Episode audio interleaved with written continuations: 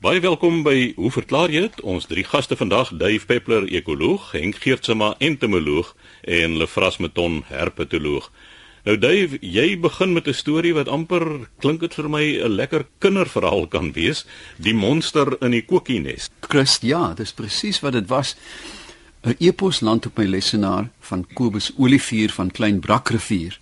Nou hy het 'n gewone kokie. Nou almal ken tog die ou kokie se geluid.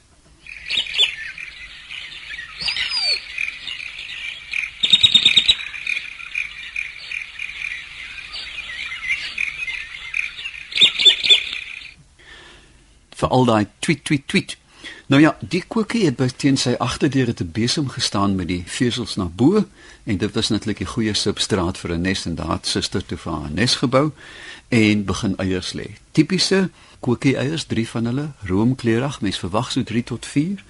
En toe op dag 6 verskyn daar 'n dubbelgrootte oranje-geel groot eier tussen. Nou, jy weet, toe begin my hare klaar hy sê ek weet hoe hier kom die, die tragedie wat gaan volg. Nog koekie het die broeisel uitgebroei en uiteraard die groot eier broei toe eerste uit. 'n Redelike stewige kuiken en die eerste ding wat hy toe begin doen of sy is om die ander eiers op sy rug nes uit te stoot. Hy het 'n krom ruggie, hy het agteruit gedruk en gedruk tot die eiers uitgeval het. Evenwel toe um, raak die oorblywende voeltjie natuurlik al hoe meer aggressief groot oranje bek spikkel vere en die paartjie koekie het hulle absoluut in boeretaal desmoers gevoer om hierdie koekie groot te kry. Hoe dit ook al sê, hy stuur toe vir my die fotos van die hele proses en sê wat is dit? En voor ek kon antwoord toe sê hy, "Aha, ek het self uitgevind dit is kom ons speel eers gou die klank." En ja, jy het reg geraai,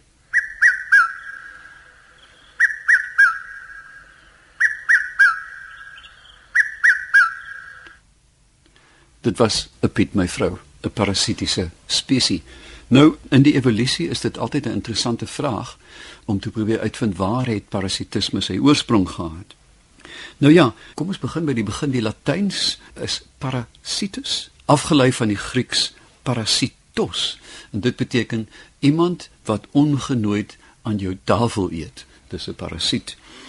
Daar is 'n hemelsbreë verskynsel van parasitisme maar hulle kom hoofsaaklik in twee groot groepe voor, die ektoparasitisme en endoparasitisme, waarvan beide Henk en Lefras veel weet binne hulle veld en hulle spesialiteitsgebied.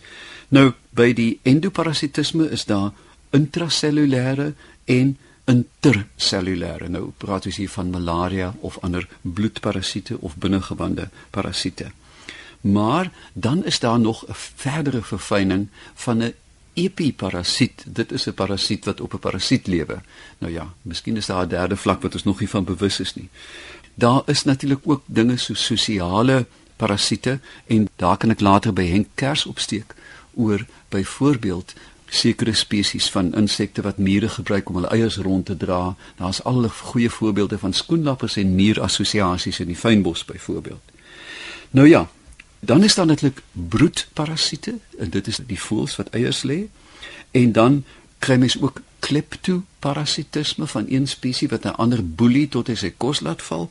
En dan is daar intraspesifieke parasitisme van een hondjie wat 'n kleintjie van sy ma se tepel afboener. Hy's 'n parasiet want hy's nie tevrede met sy eie tepel nie. Hy neem 'n tweede tepel oor.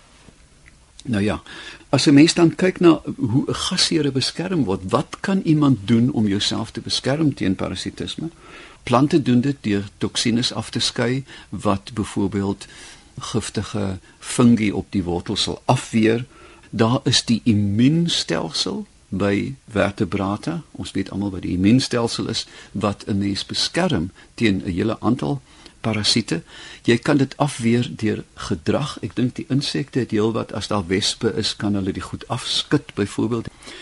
Maar byvoorbeeld skape, as hulle 'n vrye wil het, sal hulle eie mis vermy op 'n weiveld sodat hulle die parasiete daarin nie weer opneem nie. Ongelukkig deesdae is kampe klein en skape het eintlik die keuse nie. Hulle moet maar op die ou misvelde lewe. En dan henk ek lees in die literatuur van vrugtevliee wat alkohol drink om van parasiete ontslae te raak. Nou dit is vir my 'n verstommende ding. Ons weet dat alkohol seker jou binnegoed sal skoonmaak, maar ek het nie geweet dit sal parasiete uitneem nie. Dit is blykbaar redelike nuwe bevindinge.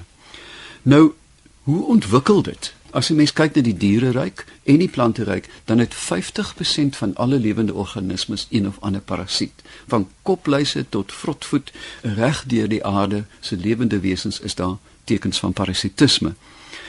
Maar wat nou gebeur is daar 'n sogenaamde oorlog tussen parasiet en gasheer.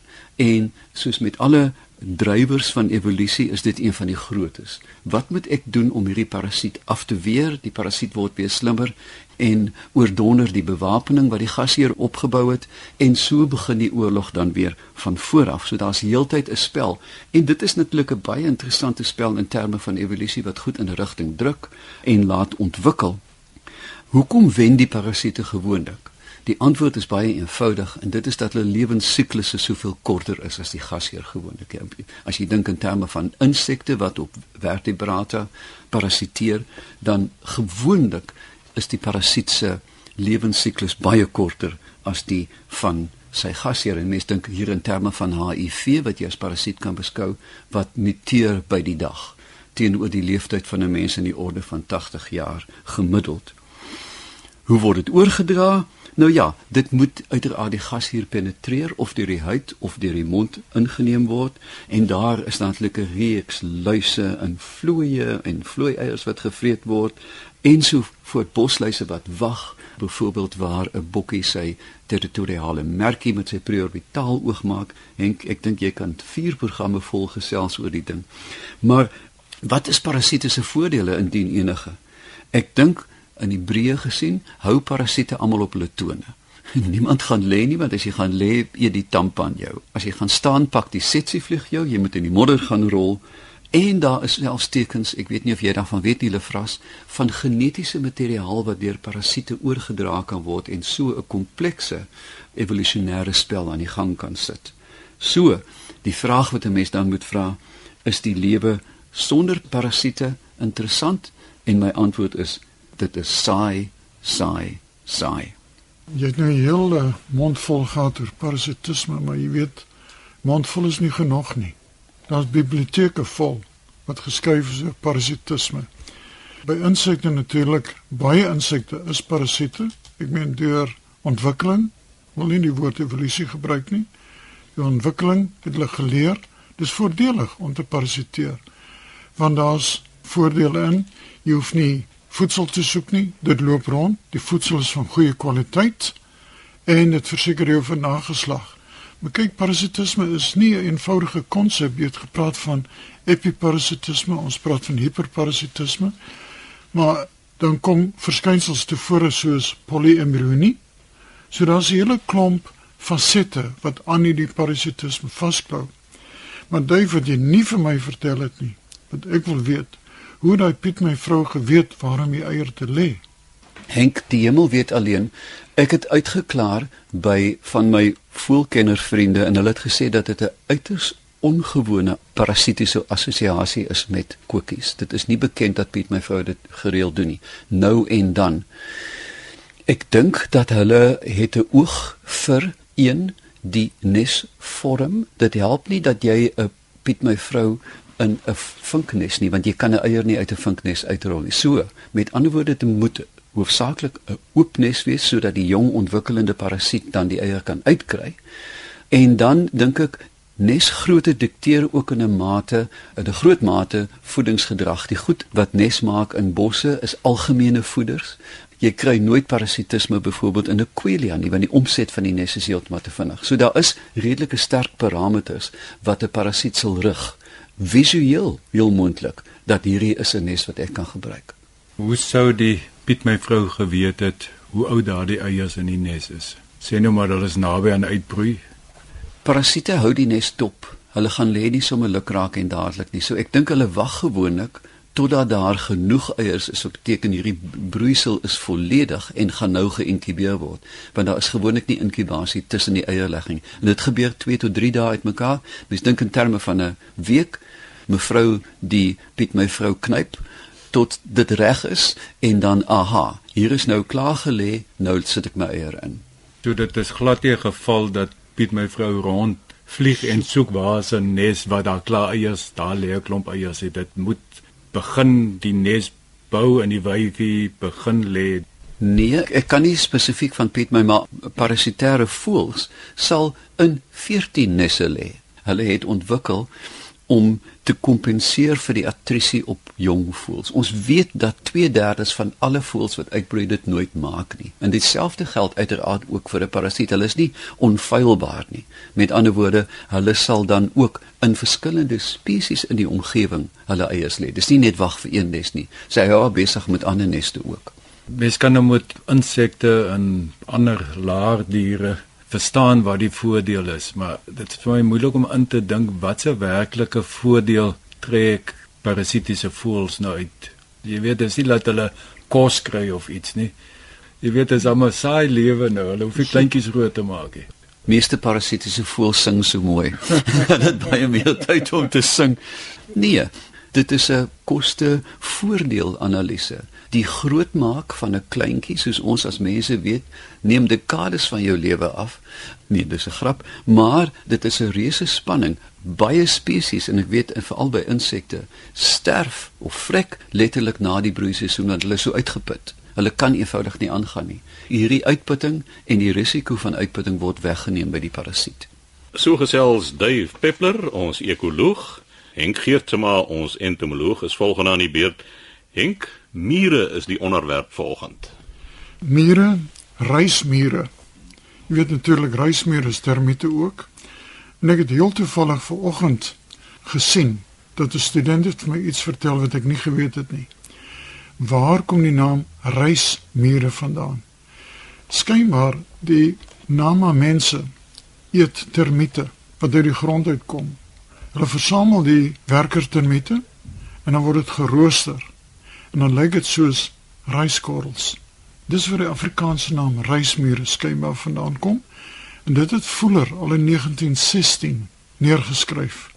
So tot my spyt moet erken, ten spyte van my jare, het ek dit nie geweet nie. Ek wil dit graag deel met die luisteraars want ek dink mense vra baie keer, waar kom die Afrikaanse naam vandaan eintlik? Maar in elk geval is 'n brief van Maritjie Dannen. Die epos sê Dennis Shaw van die rust is hier, maar dit kom van haar af. Hy sê een oggend per ongeluk milies vir sy hoenders gemors en toe dit uitgevee buite en uitgedink dat voëls en duwe sal dit baie gou opvreet. En toe sien hy maar al die milies is weg die volgende dag. En hy vind toe die klomp miliepatte en so by 'n muurnes. Maar nou sien hy dat die voëls wil nie die milies vat nie. Nou wil jy weet, hoekom het die mure die milies verskuif en hoekom wil die voëls nie aan die milies vreet nie wat buite die nes lê? Nou die oplossing is baie eenvoudig. Mure is opportuniste. As daar gebreekte milies is, hulle sien dit as deel van 'n voedselvoorraad en hulle sleep dit nes toe. Die probleem met die nes is natuurlik dat die ingang tot die nes is beperk. Dis nie groot ingangsportale en so nie. So hulle sal net die kleiner dele van die milies in die nes indra. En die groter dele sal hulle buite die nes los. Nou, hoekom eet die voëls nie hierdie milies wat deur die mure rondgedra is nie? Mure het dan hulle kake of mandibles, monddele, sekere sekrete, sure en so aan. En terwyl hulle aan daai milies ronddra, sal hulle van hierdie sekrete afskei.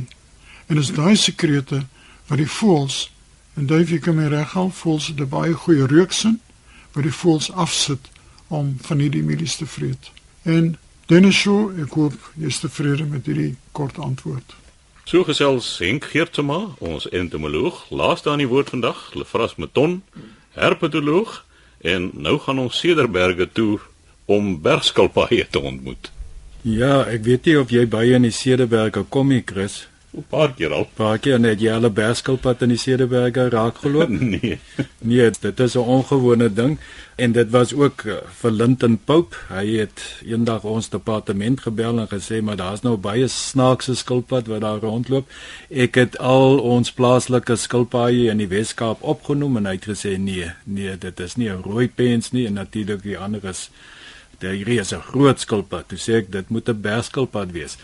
En wat snaaks is daarin is dat berskilpaaie kom glad nie in die Weskaap voor nie om waarheid te sê hier die hele westelike kusstreek, die hele Weskaap en dan op tot bo die hele Namibiese Weskus. Wel dit is nou maar hoofsaaklik woestyngebied, maar hulle is afwesig daar. Berskilpaaie is natuurlik ons land se grootste skilpad die grootste een wat al gekry is in Suid-Afrika 750 mm lengte of 3 kwart meter ja die lengte so dit is lank 40 km ag kilometer 40 kg gewig so dit is 'n manier van 'n skilpad. Hoekom ek nou net so bietjie oor grootte gesels want mense wil nou graag bietjie gesels oor wat is die implikasies van 'n skilpad berskilpad wat nou vrygekom het want dit is waarskynlik wat nou gebeur is. Iemand het die skilpad vrygelaat in die Cederberge en het dit nou natuur of bewaringsimplikasies dit is natuurlik berskilpad daar's heelwat ander skilpaaie in die wêreld wat baie groter is. Daar's die een nou op die Aldabra eilande in die Indiese Oseaan wat tot 1.4 meter lank kan word. Nou ja ek wys maar hierso vir die manne hierso, dit is dis groot en tot 250 kg weeg. Dit is amper 3 mal my gewig. So, 3 mense se gewig. Maar die grootste skilpaaie is nou al uitgesterf. Fossiel spesies wat so 2 miljoen jaar gelede geleef het en tot 2 en 'n halwe meter lank was en 850 kg geweg het. Dit is massiewe diere. Nou om terug te kom na die berskilpad wat Linton Pout daar in die Cederberge gesien het.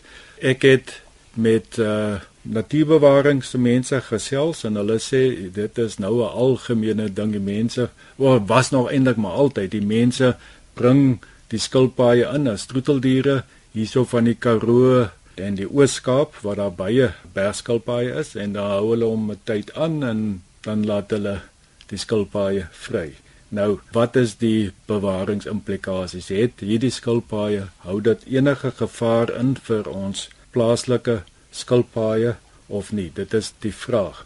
En natuurbewaring Andrew Turner is die persoon met wie ek gepraat het. Hy sê nee wat, daar gebeur niks. Dit is nie 'n probleem nie. En as mens nou so na die verspreiding van hierdie skilpaaie kyk wat glad nie hier in die westelike dele voorkom nie. Hulle kom ook nie voor daar by Lesotho, Transkei, daardie hoër dele nie en die oostelike dele van die Vrystaat nie, die hoër liggende dele nie. So hierdie skilpaaie kan nie goed doen in koue areas nie. Nie dat die Wes-Kaap so seer 'n koue area is nie, maar ons moet nou dink dit is 'n winterreënval gebied. So dit is wanneer al die hier laat winter, dit is wanneer die gras en die goed groen is wat daar baie kos is, maar daar is ook baie wolkbedekking, dit reën baie.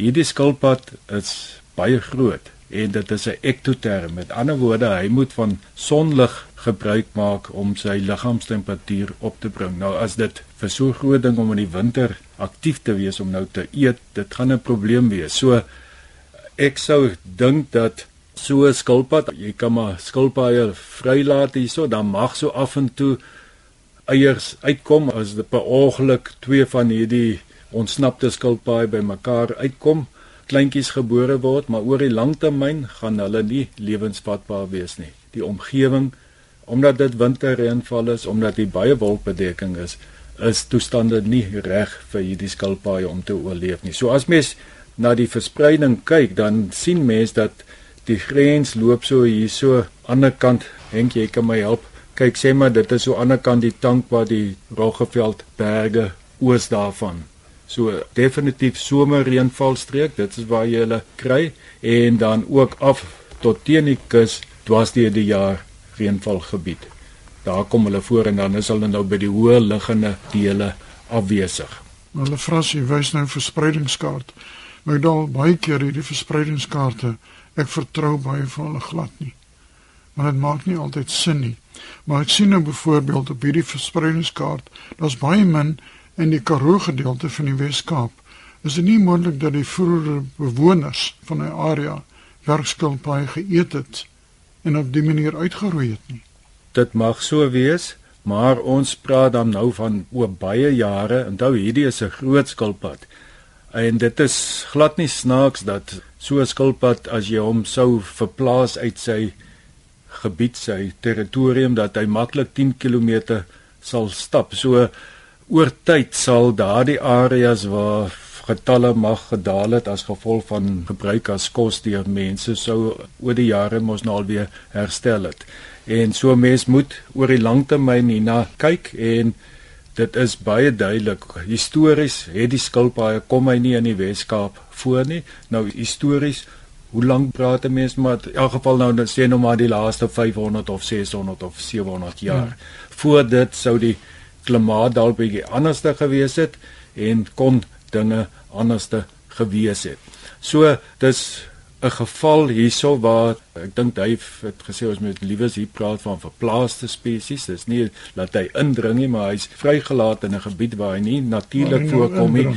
En dis nie altyd 'n probleem nie. Dit is maar net soos met al die plante. As ons dink al die plante wat ons in ons tuine het, hulle is nie 'n probleem indien hulle sade nou sou ontkiem en 'n plantjie kom op in die natuur want dit gaan nie lewensvatbaar wees nie. Dieselfde is met baie van hierdie diere. Maar dit vestig tog weer die aandag daarop dat hoe onverantwoordelik dit is om diere wat nie in 'n gebied voorkom nie vry te laat. En ek meen daar's verkleemmannetjies is die ander geliefde ding om een of ander rede mense hou van verkleemmannetjies kinders en dan ry hulle 200 300 400 km met die verkleemmannetjie en hy ontsnap.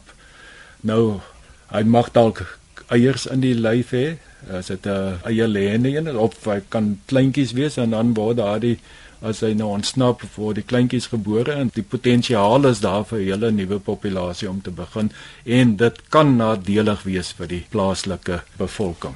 Daar het die tyd ons ongelukkig ingehaal, Lefras, net om uh, te antwoord op jou vraag aan die begin of ek al 'n bergskilpad daar gesien het. Nee, maar reuse slange het ek al gesien in die Sederberge en uh, dit gee my altyd 'n koue rilling langs die ruggraat af.